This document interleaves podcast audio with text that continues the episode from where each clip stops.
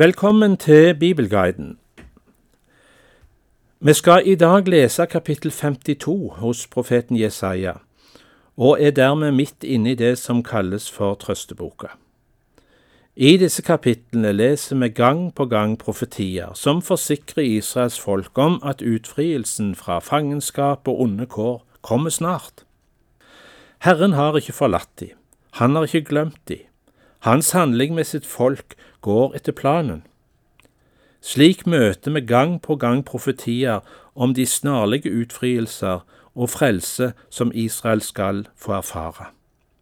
Om ikke lenge vil Herren frelse de og føre de tilbake til Jerusalem.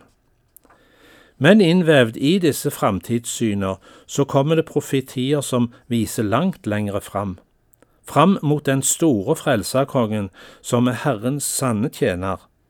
Han skal komme til sitt folk med frelse, og han skal òg komme med frelse for hele verden.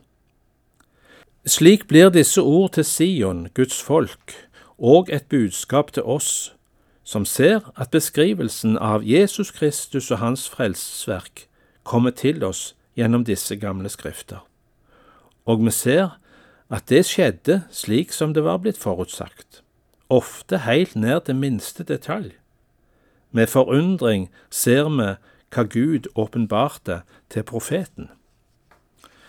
I dagens kapittel fortsetter Gud sin trøstetale til Sion og ber de forberede seg til utgangen fra Babel og til å innta Jerusalem på nytt.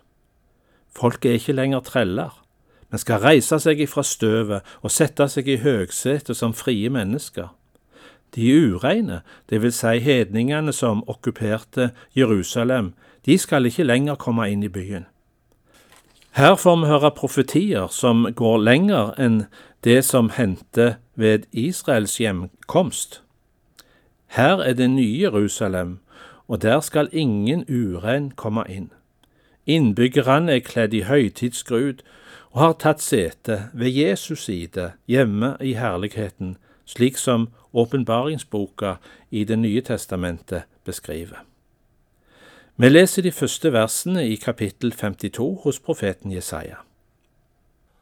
Våkn opp, våkn opp og kle deg i kraft, Sion. Kle deg finklær, Jerusalem, hellige by. For aldri mer skal en uomskåren eller uren komme inn i deg. Rist støvet av deg, reis deg opp, sett deg Jerusalem. Løs lenkene du har om halsen, datter Sion i fangenskap.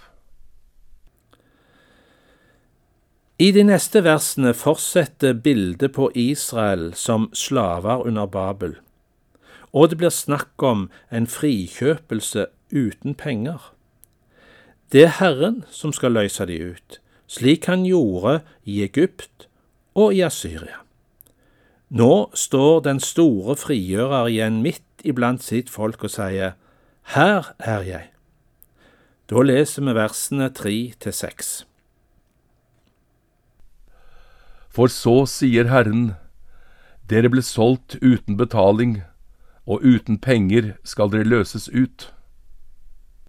For så sier Herren Gud, i tidligere tider dro mitt folk ned til Egypt for å bo der som innflyttere.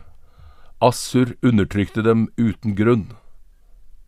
Og nå, hva skal jeg gjøre her, sier Herren, for mitt folk er tatt uten vederlag. De som hersker over det hyler, sier Herren, og alltid, dagen lang, blir mitt navn foraktet. Derfor skal mitt folk kjenne mitt navn på den dagen, for jeg er Han, Han som sier, Her er jeg. Hvor vakre de er der de løper over fjellene, føttene til dem som bringer bud, forkynner fred. Slik innledes nå skildringen av hjemkomsten. Det er begeistring i lufta. På fjellene rundt Jerusalem kommer det budbærere med godt budskap om fred og frelse. I fronten av sitt folk kommer Gud, og tar igjen sete som konge i byen som har ligget i ruiner i mange år. Dette blir et vitnesbyrd om hans stormakt og herlighet. Det blir et vitnesbyrd for alle folkeslag. Og denne profetien peker fram mot evangeliets tidsalder, da det er i Jesu navn at der skal forkynnes frelse og fred for alle folkeslag. De gode budbringerne er apostler, forkynnere, evangelister, misjonærer og andre som bringer godt budskap. Vi hører versene sju til ti. Hvor vakre de er der de løper over fjellene. Føttene til den som bringer bud, forkynner fred, bringer godt budskap, forkynner frelse og sier til Sion, din Gud er konge.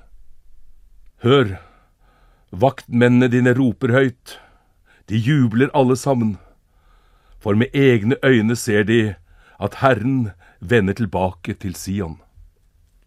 Bryt ut i jubel sammen, dere Jerusalems ruiner, for Herren trøster sitt folk, han løser Jerusalem ut. Herren viser sin hellige arm for øynene på alle folkeslag, hele jorden får se frelsen fra vår Gud.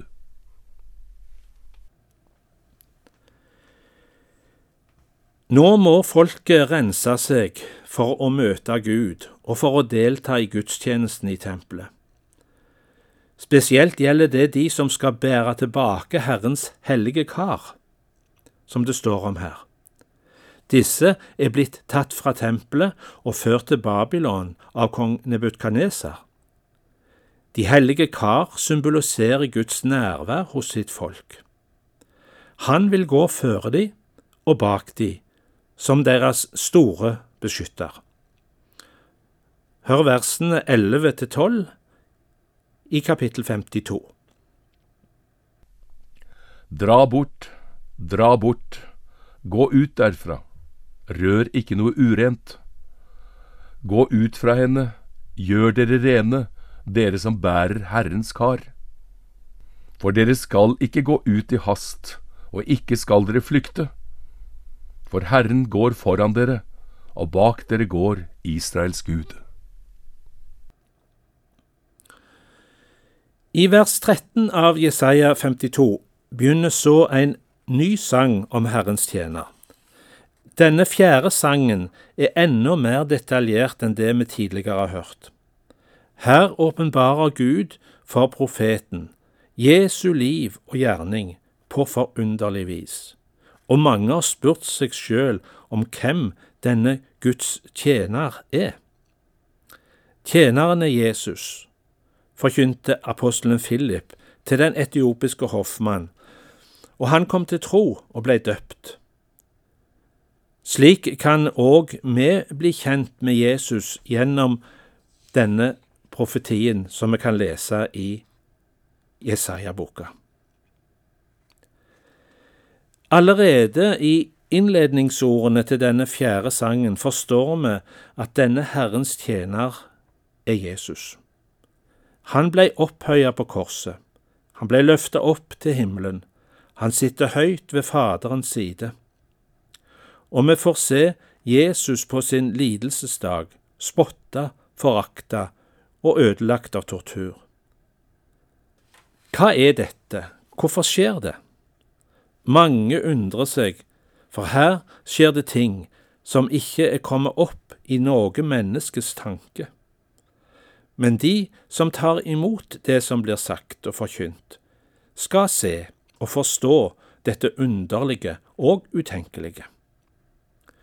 Vi hører da innledningsstrofene til denne sangen om Herrens tjener i versene 13 til 15.